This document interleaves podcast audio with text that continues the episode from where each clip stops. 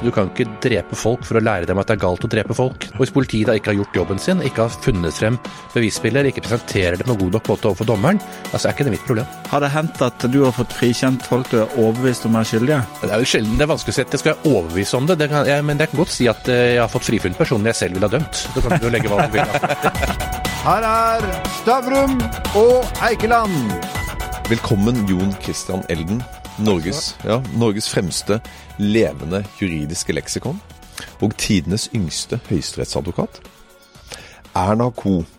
De bestemmer nå hvor eh, vi kan reise, hvem som kan komme på besøk, når vi kan drikke alkohol igjen på restaurant, og nå vurderer de til og med portforbud. Er ikke dette i strid med både menneskerettighetene og Grunnloven? Hadde du spurt for et år siden, så hadde jeg sagt ja med en gang. Eh, men så kommer det opp til litt i virkeligheten, da. Eh, vi er i en situasjon hvor vi har lært eh, ganske mye av betydninga av ordet smittevern, som har kommet inn som et av våre nyord. Det er kommet inn karantener, og det er kommet inn en rekke tiltak som man er nødt til å foreta. La oss si at det har vært en mye verre sykdom igjen. da. La oss si at det har kommet tilbake til en si, ordentlig pest. da tror jeg ikke noen hadde reagert hvis Erna sa nå har dere portforbud alle sammen, kom dere hjem. Fordi at det er måten dere overlever på. Eh, så det er mer den forståelsen eller ikke-forståelsen av sykdomsbildet som jeg tror er viktig i denne sammenhengen her. Jeg tror jussen er ganske grei som den er. og Juridisk så trenger vi en adgang til portforbud, men det er ganske åpenbart at vi ikke kan ilegge det nå. Men tror du at eh, det kommer? Nei, jeg tror ikke det. Ut fra at vi forhåpentligvis, i hvert fall med denne eh, covid-delen, er kommet så langt at vi er på si, vei ut av den og ikke inn i den. Eh, vi har lært mye av den prosessen som har eh, vært. Vi har sett at den er kanskje ikke så farlig for si, alle som man fryktet i utgangspunktet, selv om farligheten er at den blir spredd fort. De mest risiko baserte gruppene har fått vaksinene sine. Eh, jeg tror ikke det går på en måte riktig vei, og at eh, tiltakene nå vil bli mindre og ikke færre, selv om det skulle bli en økning i antallet. Men hvis vi, hvis vi løfter det litt og går på liksom individuelle rettigheter, eh, og da til og med løfter litt fra korona, men ser på sånn type digitalt grensevern, det å ha smittesporingsapp og sånt. Du har et yrke hvor, hvor, din integritet er ekstremt viktig, og folk må stole på at, det, at, ikke, at ikke du kan avlyttes, f.eks. Hvordan forholder du deg til den type ting? Ville du lasta ned en sporingsapp, f.eks.? Rent faktisk har jeg ikke gjort det, eh, og det er jo egentlig svar godt nok på det spørsmålet. Mm. Eh, man er jo ikke tvunget til det. Eh, det er nok en fordel for si, samfunnet og for statistikk og for vurderinger at mange har det for å kunne foreta for å kunne lage slutninger ut av det fra myndighetene, men noen er i posisjonene hvor de ikke bør bruke det, og andre hvor de ikke kan bruke det. Og Det er jo megetsigende at personer i det offentlige forvaltning på høy stilling er frarådd å bruke dem, nettopp fordi at det er en så stor risiko ved at man kan leppe til få opplysninger ut som ikke skal ut. Men føler du det er for mye overvåkning av oss private borgere i Norge der? Generelt er svaret åpenbart ja. ja. Uh, spørsmålet er jo bare, eller primært tilgang til dette her. Altså Du kan jo ikke bevege deg en meter ute uten å være overvåket på en eller annen måte, men i den grad hver enkelt butikk har sitt overvåkingskamera og sletter det etter noen dager eller en uke hvis det ikke er grunn til noe annet, så er det noe helt annet enn hvis dette kobles sammen på et nett, og noen kan sitte i Nydalen eller andre steder og sette sammen disse bildene og følge deg, sånn som man f.eks ser fra England. Ja, men, men, eh, er du ikke redd for at, at, det, at, den informasjonen vi snakker om der, faktisk blir misbrukt? Når du hører hva eh, amerikanske eh, etterretningstjenester har holdt på med. Vi vet jo helt sikkert hvordan russerne og kineserne den, den, blir jo misbrukt. Den ja. blir jo misbrukt hver eneste ja. dag. Ja. og det er to, altså Én ting er på en måte myndigheter også, for utenlandske myndigheter. Men en annen ting er jo alle Eh, i det private rom eh, som skaffer seg tilgang til, eller kan skaffe seg tilgang til dette, enten i utpressingsøyemed eller innsamlingsøyemed eller industrispionasjeøyemed, altså hva det nå skal være for noe. Eh, så det er jo både en legitim og illegitim innsamling, så lenge muligheten foreligger der. Og det er det som er si, problemet med den norske politiske debatten, er at man tror at alt løser seg ved et lovverk. At vi kan si på Stortinget ja ja, men vi har jo sikkerhetsmekanismer fordi at det skal regler til for å hente inn dette, det må innom en dommer. Men så går du ikke innom den dommeren, da. Så henter du det likevel. altså, Så lenge materialet ligger der. Men, uh, vi skal ikke dypt inn i saken, men litt på overflaten. Altså, Nylig hadde vi en straffesak hvor, uh, hvor data fra en helseapp ble brukt som bevis i retten. Uh, i andre saker så har vi et såkalt overskuddsinformasjon, hvor på en måte man har, man har, en del informasjon som er tatt opp berettiget, men som er interessant i andre straffesaker. Du har jo sett sett uh, offentlige myndigheter og påtalemyndighet in action i en haug med saker. Har du tillit til at de alltid følger uh, regelverket? Hvis man skal føre en sak for retten, Eh, så har man jo kontrollen. fordi at da må jo politiet vise tilbake hvordan de har innsamlet materiale, og vise til hjemler og kjennelser eh, for dette. Men eh, saker som ikke går for retten, eh, og hvor det dreier seg om f.eks. spørsmål om å Eh, finne veien inn til å finne bevis, f.eks. sånne ting, eh, så går det nok ofte veldig fort i svingene. og det er, det er, uheldig. Det er uheldig når man har situasjoner hvor både myndigheter og ikke-myndigheter eh, tar seg direkte tilgang til persondata og misbruker dem. Man kan sette i avskjedssaker, oppsigelsessaker f.eks., at arbeidsgiver har gått inn og foretatt datasporinger og trekker, truffet beslutninger og avgjørelser på hvordan de tolker dataspor, som både viser seg å være helt feil og dessuten ulovlig. Eh, hvordan, hvordan, oppfatter du at, rett, at, retten tar slike ting? Altså, jeg vil tro at du som forsvarer, i den grad du ser at det er tvilsomme hjemler for informasjon og sånn, bestrider dette. Blir du hørt av dommerne i sånne, i sånne tilfeller? Da må det nesten være ekstremt nok. for vi har Det, det dilemmaet vi sitter med, er jo at når man snakker om et uh, si makronivå, altså se på dette ovenfra, så kan Stortinget sitte og si at ja, men selvsagt så vil politiet aldri ta ut en tiltale for en som har røyka hasj, om det skulle komme frem på en telefonavlytting som overskuddsinformasjon og sånn og sånn. Eh, for det er jo ikke alvorlig nok til at man gjør det. Eh, men på den annen side, det øyeblikk politiet skriver en bot eller tar ut en tiltale på en som har røyka hasj, og står i retten med den, ja, så ser man at dommeren plutselig skifter oppfatning og tenker at ja, ja, men her er det en person som har brutt loven, og da må jeg jo dømme han. Eh, og, og da ser man altså helt bort fra dette overordnede eh, personvernhensynet. Det får ingen plass. Og Det er derfor vi har det. Vi har for så vidt ikke dette overordnede personvernhensynet for å beskytte kriminalitet, men vi har det for å beskytte eh, borgernes intimsfære, privatsfære. Eh, og Det er derfor det er viktig at man ikke benytter seg av overskuddsinformasjon. Men, men, kan ikke det fort bli misbrukt, ikke bare i retten, men også eh, for, altså når de driver med forhør og, og sånt, noe avhør av, av klientene dine? Altså at, jo, altså, vi er jo opptatt i Norge ja. at man skal ha minst mulig eh, overvåking. Overvåkingssamfunnet skal ikke være bredere, eh, mer omfattende enn det som er nødvendig. Men hvis man, bare, hvis man, kan bruke alt man skaffer seg, ja, da inspirerer jo det bare til å, si, å senke denne terskelen fra tilfelle til tilfelle. Så, så norsk politi, eh, norsk sikkerhetstjeneste, de er like ille som eh, i USA og andre land? Jeg tror ikke jeg skal sammenligne det med hverandre, men jeg kan i hvert fall si konkret eh, at eh, i Norge så har jeg sett mange tilfeller hvor saker har endt i retten eller endt med påtaleavgjørelser eh, hvor bevismidlene ikke skulle vært innhentet på den måten som de ble. Mm. og hvor man da likevel ender opp på den problemstillingen at ja, ja, men du har jo tross alt snitt på skatten, så du må jo få denne boten din, du må få det til forelegget ditt. Selv om vi fant det ut på en litt illegitim måte. Men for å snu på, på skillingen, da. Har det hendt at du har fått frikjent folk du er overbevist om er skyldige? Det er jo sjelden det er vanskelig å si at jeg skal være overbevist om det, det kan, jeg, men jeg kan godt si at eh, jeg har fått frifunnet personen jeg selv ville ha dømt. Så kan du jo legge hva du vil akkurat det. Eh, på samme måte som jeg har fått dømt personen jeg selv ville ha frifunnet, for å legge til den andre siden av det samme. Mm. Eh, men det, det, er jo En dommers oppgave er jo å se på bevisene i sammenheng og trekke konklusjoner ut av det. Dommeren har aldri vært i stedet der en straffbar handling blir begått for å være et øyenvitne selv og kunne gi et ja-nei-svar. Og det er jo mennesker satt sammen forskjellig, da. Noen lar seg lettere overbevise enn andre, og noen har mer tvil enn andre. Og kanskje jeg er blitt kynisk med årene, for å si det sånn. Jeg har hørt veldig mye, men derfor er det også viktig i hver enkeltsak at du holder den terskelen høy, eh, fanen høy, og si at ok, dette høres veldig rart ut, men jeg kan ikke se bort fra det, og da skal jeg ikke dømme. Men, men når du da opplever at en av dine klienter som du bare vet er skyldig Du ville dømt, var vel det? Ja, jeg ble dømt. ja, ja, ja. Men, ikke sant? Jeg blir dømt. Altså, du får ikke noe snev av dårlig samvittighet hvis det, hvis det er en, en, Det de har gjort er egentlig er bare helt vanvittig jævlig? Nei, det gjør jeg ikke, for det er ikke min jobb å dømme noen. Eh, jeg kan godt si at jeg ville nok ha gjort det selv i en setting, det er min vurdering av dette, kan jeg godt tenke. Men eh, det er ikke det. Jobben min er jo å peke på alle svakhetene i saken. Og hvis politiet da ikke har gjort jobben sin, ikke har funnet frem bevisbilder, ikke presenterer det på god nok måte overfor dommeren, ja, så er ikke det mitt problem. Men det er ikke alle som er så heldige å få en som med ditt kaliber som skal forsvare personen.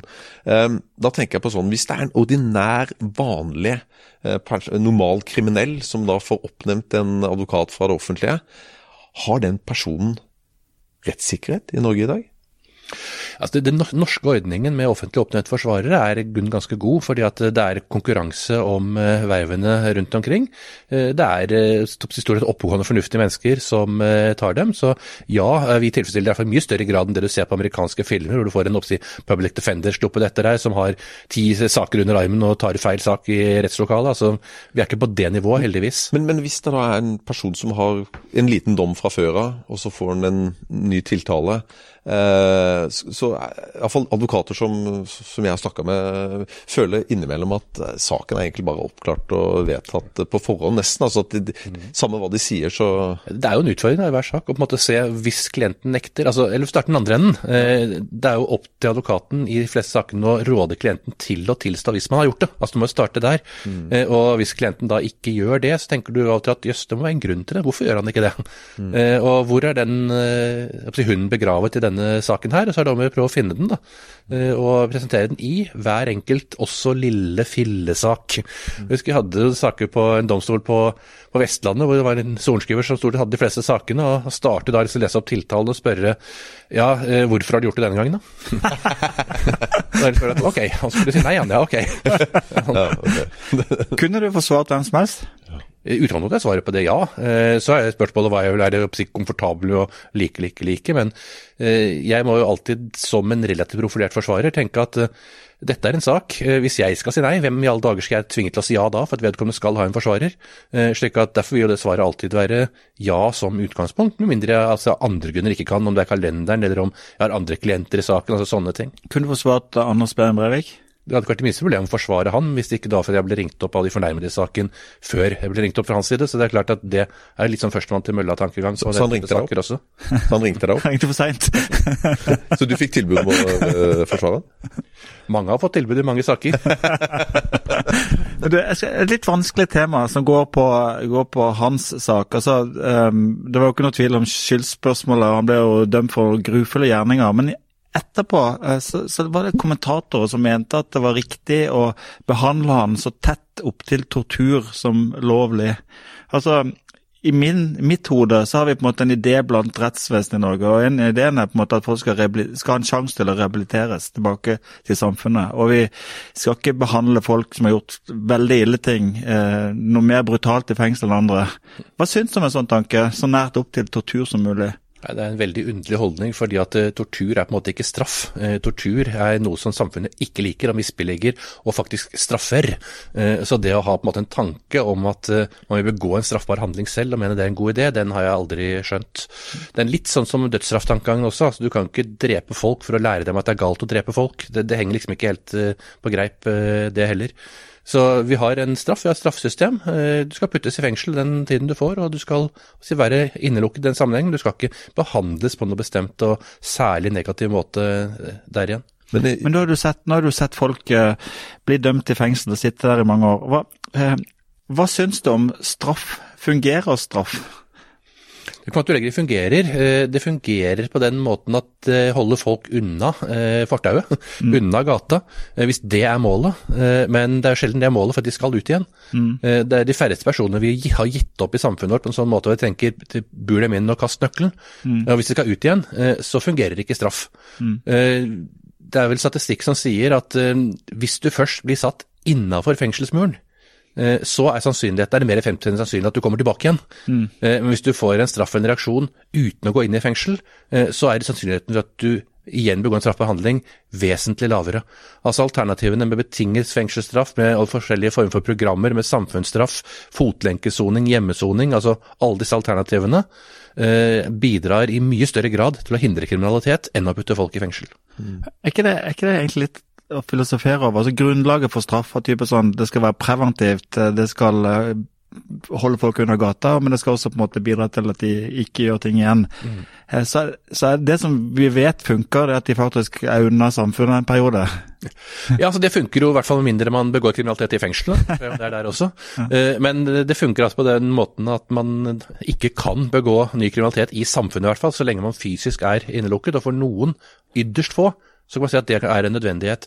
Men for de aller fleste som ender i strafferettssystemet, så er det ikke nødvendig i det hele tatt. For de fleste så er det egentlig oppdagelsesrisikoen eh, mere preventiv, har større virkning enn den straff man måtte få etterpå.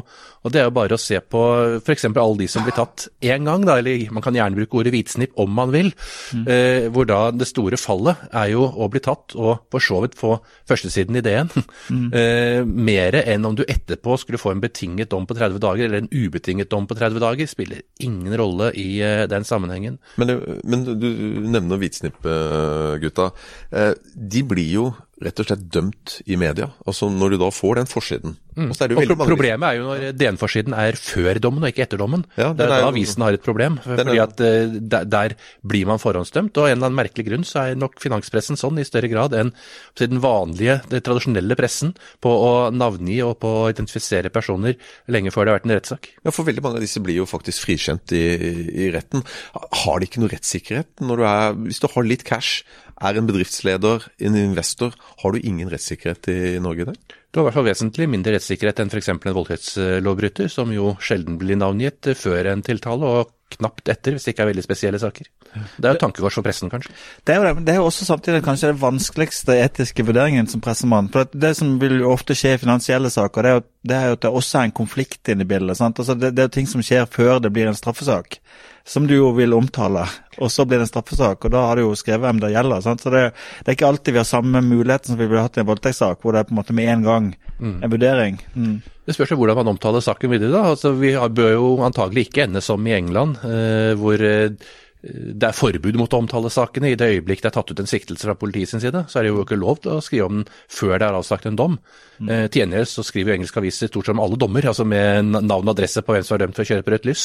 Mm. Eh, så det er liksom litt sånn rar De har en annen terskel annen variant enn Norge, men selv om de har altså skrevet mye om en sak på forhånd, så inntrer et forbud i det øyeblikk en siktelse foreligger. Så må du diskutere om det er riktig eller ikke riktig. Jeg tenker det er ikke riktig, eh, men det er jo altså én måte å svare på den eh, problemstillingen på. Da. Ja, altså I amerikanske medier, som jo er ekstreme i å identifisere, så, så vil jeg jo si at det faktisk er bidrag til rettssikkerhet. for dette Eh, du blir ikke som i Kina, liksom bare låst unna og ingen har hørt om saken din. I minste så kommer saken opp, og du kan få fram også vitner som taler til tiltaltes fordeler. I hvert fall sånn de argumenterer.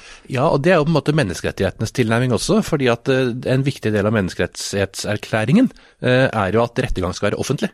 Mm. Uh, og hvorfor skal rettergang være offentlig? Jo, det er fordi at statens myndigheter ikke skal si, fengsle folk i skjul uh, og bure dem inn og sende dem til Sibir. Mm. Uh, mens hvis du ser på virkeligheten i Oslo tinghus i dag, så er nok de fleste av de som blir tiltalt, vil nok ønske at det ikke er offentlig rettergang. Altså sånn, fordi at det på en måte har en helt annen funksjon i Norge enn det menneskerettighetene tilsier. Så det er, det er også et tankekors med hva som er formålet bak det. At det som altså er en rettssikkerhetsgaranti for en anklaget person, nemlig at offentligheten skal kunne følge med på prosessen sin, er blitt en hemsko hvor man ønsker at de skal være lengst mulig unna fordi at man blir hengt ut. Mm. Men uh, apropos uh, rettssikkerhet og menneskerettigheter osv.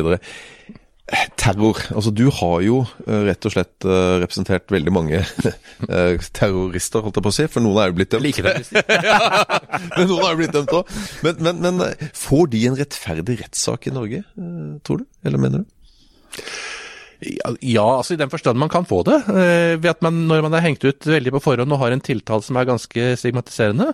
Men jeg har jo hatt saker med de som media har kalt eh, terrorister på forhånd, eh, hvor de jo er blankt frifunnet av domstolene. Mm. Jeg har jo på en måte flere frifunnende terrorister enn jeg har dømte terrorister. Ja, sånn sett kan man si at de har en rettssikkerhet for sitt vedkommende, da, tydeligvis likevel. Og det kan jo være da at dommerne tenker sånn en gang til. så at de er blitt så stigmatisert her, media egentlig så mye ut, at de er nødt til å ta rettssikkerheten på alvor, og nødt til å lete etter faktiske bevis, og ikke bare domfelle for de har lest avisen. Men i de sakene der, legger du merke til at PST eller uh, myndighetene går lengre i måten de går frem på å sikre seg bevis og rett og slett uh, trå over grenser som du mener ikke er akseptabelt? De har andre muligheter til etterforskning, eh, fordi at eh, PST har etterforskningsmetoder som vanlig politi eh, ikke har. Vi regner i, i det norske samfunnet terror for å være en av de mest alvorlige lovbruddene, hvor man da skal gjøre alt man kan for å hindre at de finner sted. Eh, det er klart at på samme måte er det vanskelig, altså Man kan si at voldtekt er alvorlig, men eh, politiet har ikke det samme ansvar for å hindre at en voldtekt finner sted. Man vet ikke om den. Det var ikke mulighet til å finne ut om den på forhånd. Mm. Mens i terrorsaker så er det jo veldig sjelden det er de helt ensomme ulvene. Det skjer et eller annet. Men, men altså, går de for langt? Mye, men politiet har mye mm. uh, videre metoder uh, å bruke for å kunne avdekke det. Ja. Det slår to veier. For det gjør jo, som jeg har forfunnet i mange av disse sakene, at uh, vel, da får jeg fremprovosere og få frem materialet politiet har. Da. Vi har fulgt disse f.eks. i månedsvis og ukevis i forhånd. For å kunne si at ja, se her, her har du altså fra minutt til minutt til minutt, og i løpet av den tiden der så gjør de ikke sånn, gjør ikke sånn, gjør ikke sånn, de har ikke kontakt med den, osv. Og, så videre, og så blir jo dette også en form for motbevis. Så det er klart at det, det, det slår jo begge veier, da, denne totalovervåkingen. Det kan avdekke ting som skjer, vi kan også avdekke ting som ikke skjer. Mm. Nå, jeg, jeg, fikk ikke med meg et forslag eller et vedtak om å, om å fjerne foreldelsesfristen på en del hva var det, seksuelle overgrep, var det jeg sa i går. Altså, La oss tenke oss sånne straffbare handlinger som skjer eh, 30-40-50 år tilbake i tid. Er det overhodet mulig å få en rettferdig rettergang i sånne tilfeller? Det er lett å svare nei på spørsmålet. Det er derfor vi har jo foreldelsesregler eh, basert på nettopp at eh, et bevisbilde svekkes. Eh, de tilfellene hvor dette kanskje, kanskje kan være aktuelt en gang i fremtiden, eh, er eksempelvis en, la oss si en voldtektssak hvor du har sikret et DNA-spor, men som man ikke har greid å analysere med metoder vi har per i dag. Og så kan si at Om ti år så får du en ny analysemetode som gjør at du positivt kan identifisere hvor det kommer fra. Da vil jo beviset være i hvert fall ganske trygt, som vi ser på det i dag, og du, selv om saken er blitt gammel. Eh, men det å plutselig si at eh, ja, jeg ble voldtatt for 30 år siden, nå syns jeg politisk sette i etterforskning, mm. eh, det kan du egentlig bare glemme. Altså, det vil aldri skje, fordi at politiet vil på et tidlig tidspunkt tenke at her er det ikke mulig å få til en domfellelse. Eh, så jeg tror nok at dette er med å utvide foreldelsesfristen egentlig bare kommer til å få betydning i saker hvor det er et teknisk bevisbilde, altså hvor man da ikke er avhengig av f.eks. vitnemål eller forklaringer som grunnlag for domfellelse. Apropos, apropos sånn tekniske bevis. Jeg, jeg, jeg syns det er litt skummelt av og til når du ser bevis som eh, såkalte eksperter kommer med, som i ettertid viser seg å være tvilsomme. Sånn vi har jo sett mange sånne type overgrepssaker hvor de på en måte i ettertid viser at bevisvurderinga ikke beviselig ikke var riktig. Eh, eh, du har, eh, har Baneheia-saken hvor eh, hadde Viggo Kristiansens telefon vært der på, på stedet, så ville, blitt, ville jeg vurdert det som et fellende bevis. Det at den ikke er der, eh, blir bare sett bort fra. Eh, har du sett det i mange rettssaker, at, at, at dommerne legger vekt på bevis de umulig kan forstå teknisk? Ja, du nevnte et eksempel i sted på å bruke helseapper f.eks. Mm. Eh, helseapp i straffesaker har også egentlig vært et totalt frifinnende bevis, hvis man hadde lagt til grunn på samme måte som man velger til grunn som fellende bevis. Ja. Så man bruker disse bevisene når det passer inn i et bilde, eller så prøver man alltid å forklare dem bort. Og det er jo en livsfarlig tilnærming.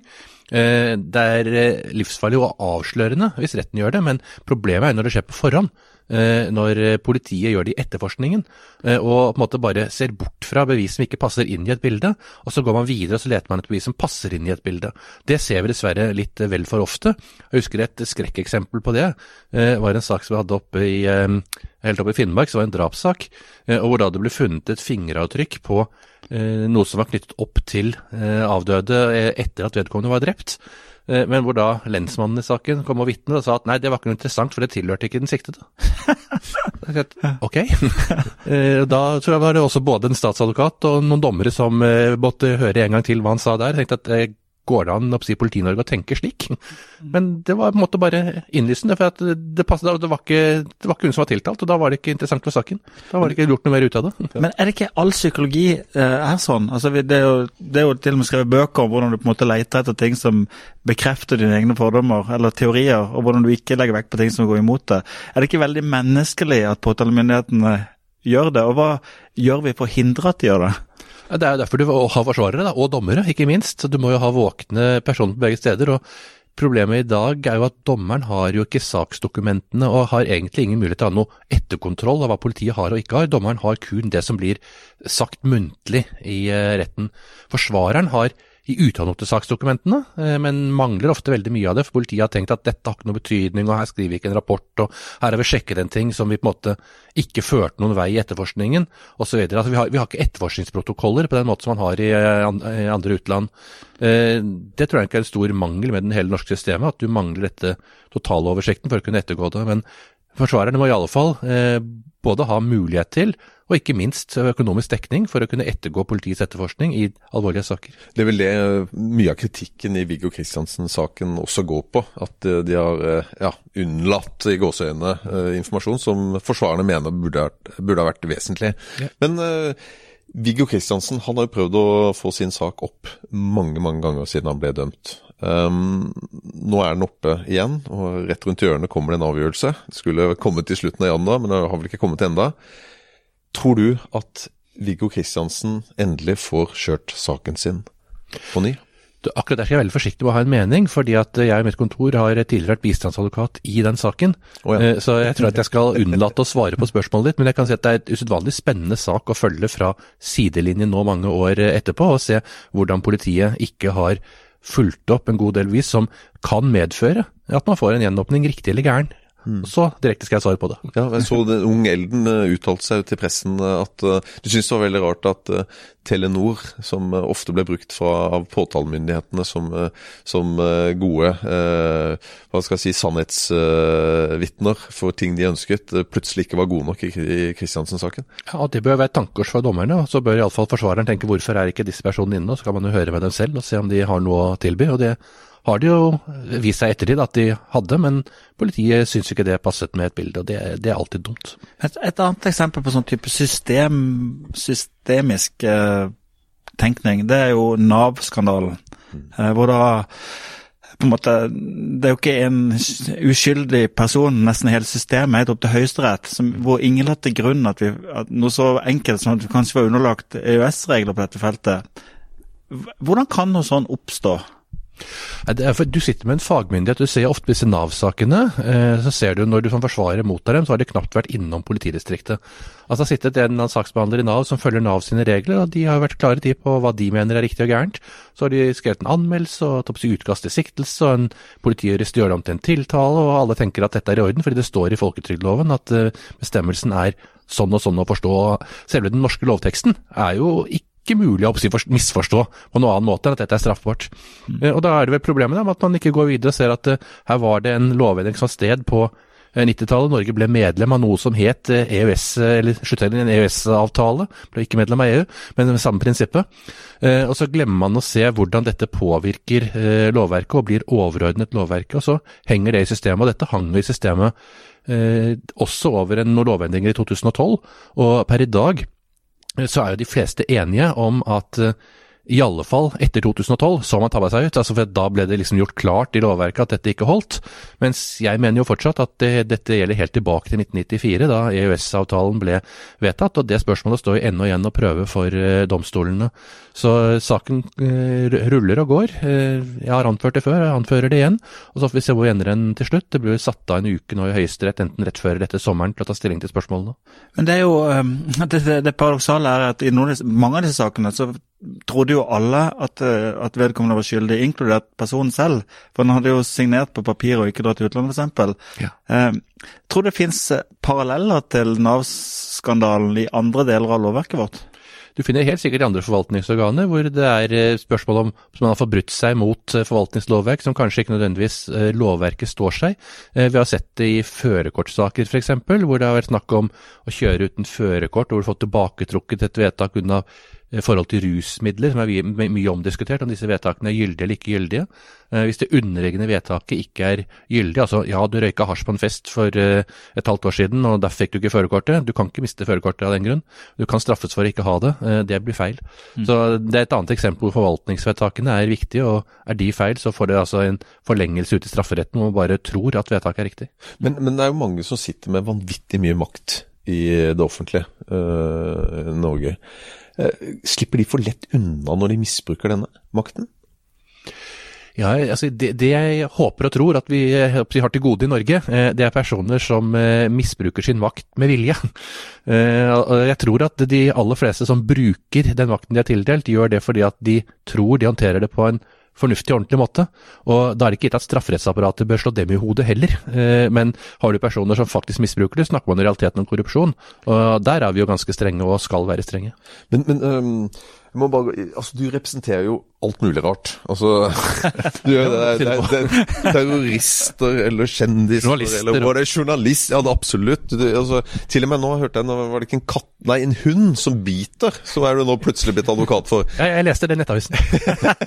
Er Ekstremt. Men, men er det noen ganger du blir redd for klientene dine? Altså at øh, de blir misfornøyd med og, For det, er- det, er jo som, det er jo mye rart du representerer. Det er ingen som er misfornøyd med meg, vet du. Kan ikke finnes ikke det, vet du. Nei da. Eh, Det, er- klart at det, det, klienter blir vel ofte si fornøyd eller misfornøyd ut fra resultatet som ender til slutt, og det hender jo at noen blir dømt, da. Mm. Og da blir det jo veldig ofte at det er, det er advokatens skyld vet du, at man har for dårlig jobb, fordi at eh, vedkommende kan jo ikke skjønne at man skulle bli dømt. Så ja, du merker jo det. Eh, Samtidig tror jeg at de fleste er oppegående nok til å si at eh, ok, eh, det blir gjort en god jobb, dommeren var ikke enig, men sånn er det nå. Eh, Så jeg tror ikke jeg pleier å sitte igjen med svartver på den måten at jeg får skylden lagt i fanget for det. Jeg har i hvert fall ikke opplevd noe på noe jeg kritikkverdig eller noe farlig måte i ettertid. Men vi har, vi har sett andre advokater som har eh, nærma seg kriminelle miljøer. Altså de har på en måte kommet for langt inn i de miljøene. Og det vil jeg tro at det ikke er eh, risikofritt. Nei, det er det nok ikke, og det er jo greit å prøve å unngå. Eh, Man kan oppsi, forsvare folk og ha miljøer som klienter, men man skal prøve å skille litt mellom hva som er en klientrelasjon og hva som er et eh, oppsi, vennskapsforhold, personlig forhold. Men jeg tenker sånn, du, hos deg så renner du inn med klienter. altså sånn sett, Så, så du har jo ikke den issuen. Men det, det er vel mange advokater som, hvor det ikke akkurat renner inn med klienter. og Da er vel kanskje fristelsen for stor innimellom til å gjøre ting man kanskje ikke burde gjøre? Men det lønner seg ikke, fordi at du får jo ikke noe troverdighet på det. Altså du, det kan godt være noe som kan i gåsehudene lønne seg i en kort tid. liksom at Nå får jeg masse klienter sånn og sånn på den måten. Men så får du et dårlig ord på deg. da. Hvis du lover ting som du ikke kan gjennomføre, hva skjer da? Da blir jo det svært tilbake igjen. Han greide jo ikke å løse det likevel, selv om han lovet meg å gjøre sånn og sånn. Han kan dere ikke bruke. Eh, og domstolene de skal ha tillit til en person. Du må bruke argumenter du kan stå for, og stå inne for. Du kan ikke bløffe en domstol. Gjør du det, eh, så vil jo det ryktet gå langt foran deg i alle norske domstoler. Vi er ikke et større land. Eh, Så skal du ha en troverdighet eh, og kunne representere dine klienter og fremtidige klienter på en troverdig måte, så er du jo nødt til å spille et ærlig løp. Men hvis- du ser i USA nå, så er det jo en viss eh, The Donald, Donald Trump. Hvis du nå hadde hatt bevilgning holdt jeg på å si, i, i USA, hadde det vært drømmekunden din akkurat nå? Jeg leser i Dagbladet at han skriker eh, høyt over forsvarernes innlegg, så jeg er ikke sikker på om jeg synes at det kanskje er en drømmeklient i så måte. De fleste klienter som skriker mens forsvareren holder innlegg, er jo de som ender på psykisk helsevern. Jeg bare nevner det.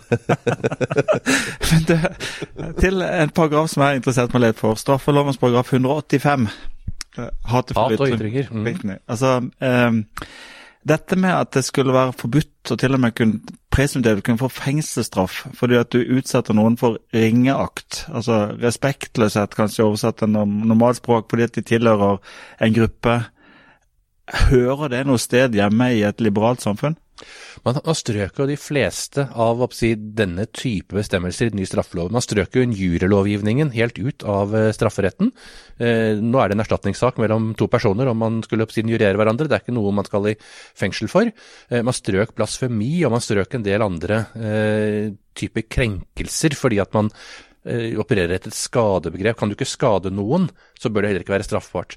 Og så er det poenget at noen står igjen ennå. Denne bestemmelsen 185 det står igjen fordi at den har en si, annen side ved seg, nemlig FNs erklæringer mot eh, rasisme, rasediskrimineringskonvensjoner osv., som har krav på et strafferettslig vern. Så da må man følge opp den siden av saken. Men balansegangen er eh, ikke alltid enkel, og det har vært flere saker i Høyesterett på dette, og hvor Høyesterett nå kanskje har en pendel som går litt vel langt eh, mot ytringsfriheten og for eh, beskyttelse, som ikke nødvendigvis strafferettsapparatet burde fange opp. Jeg synes jo det er et paradoks at, at folk som kanskje ikke har skolering i å ytre seg på en måte sivilisert, på en måte plutselig blir, eh, blir straffedømte. Og så et, et annet paradoks er jo at den eneste gruppa som du vel kan krenke så mye du vil, det er hvite middelaldrende heteroseksuelle menn. Ja, ja, vi får finne oss i de også. Men eh, nei, det, eh, det er Jeg pleier ofte å si da, når det kommer folk og tar opp injuriesaker, den type saker, at ofte så sier den uttalelsen som, som de har kommet med, deg, mye mer om den som ytrer den, enn den som den er rettet mot. Og eh, oppegående mennesker slår kanskje litt i ro med det også, og tenker at eh, ja, det gjør egentlig det. Eh, og det er ikke sikkert at alt behøver å bringes inn for verken domstoler eller politi i en sånn sammenheng. Men det er klart at går det utover grupper utover særlig, der hvor det er barn, unge involvert osv., og at man får vi skaper et dårlig selvbilde ved hjelp av den type ting, ved å peke på raseting osv., så, videre, så skjønner jeg at det skal reageres stoppet på en måte, men mye går på common sense, folkeskikk. Du, Er det én eh, paragraf i straffeloven som du ikke kan? Alle har fått nye paragrafbestemmelser etter 2015, så ikke spør. Men, men eh, jeg syns jeg leste her at det var en ledig stilling i Høyesterett som dommer. Uh, er det en drøm å bli høyesterettsdommer? Jeg må dessverre svare at det, det, det syns jeg ikke det er. fordi det er, jeg syns det er litt stillestående. I den forstand at du sitter i et eh, rettslokale rett rundt hjørnet her hvor vi er nå, og du må forholde deg til det som folk kommer med til deg. Du er ikke med på å lage sakene til å, eh, tilrettelegge dem. Eh, Så Den siden av saken er det jeg savner i en slik høyesterettsdel. Det kjempespennende delen av det er jo at du å være med å lage de jussen, altså bestemme hvordan det skal være. Eh, Så for all del, de som vil ta på seg jobben, det er glimrende.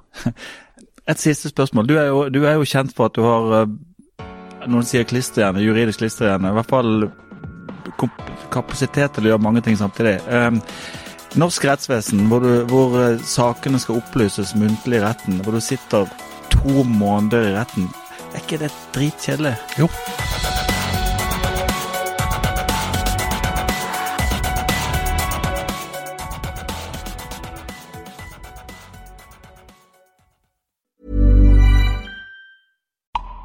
Gravity? When does the grass grow greener? Can people with longer legs jump higher? How are plastic cups made? How filthy are our parents? Which ingredients make the best slime? Why do we dream? Are you faster than a calculator? Could a robot be powered by fruit or vegetables? When children ask why, who knows what will happen? ESB Science Blast, delivered by the RDS, empowers students from 3rd to 6th class to discover the wonder of science by investigating simple questions, wherever their classroom is. To find out more, visit esbscienceblast.com.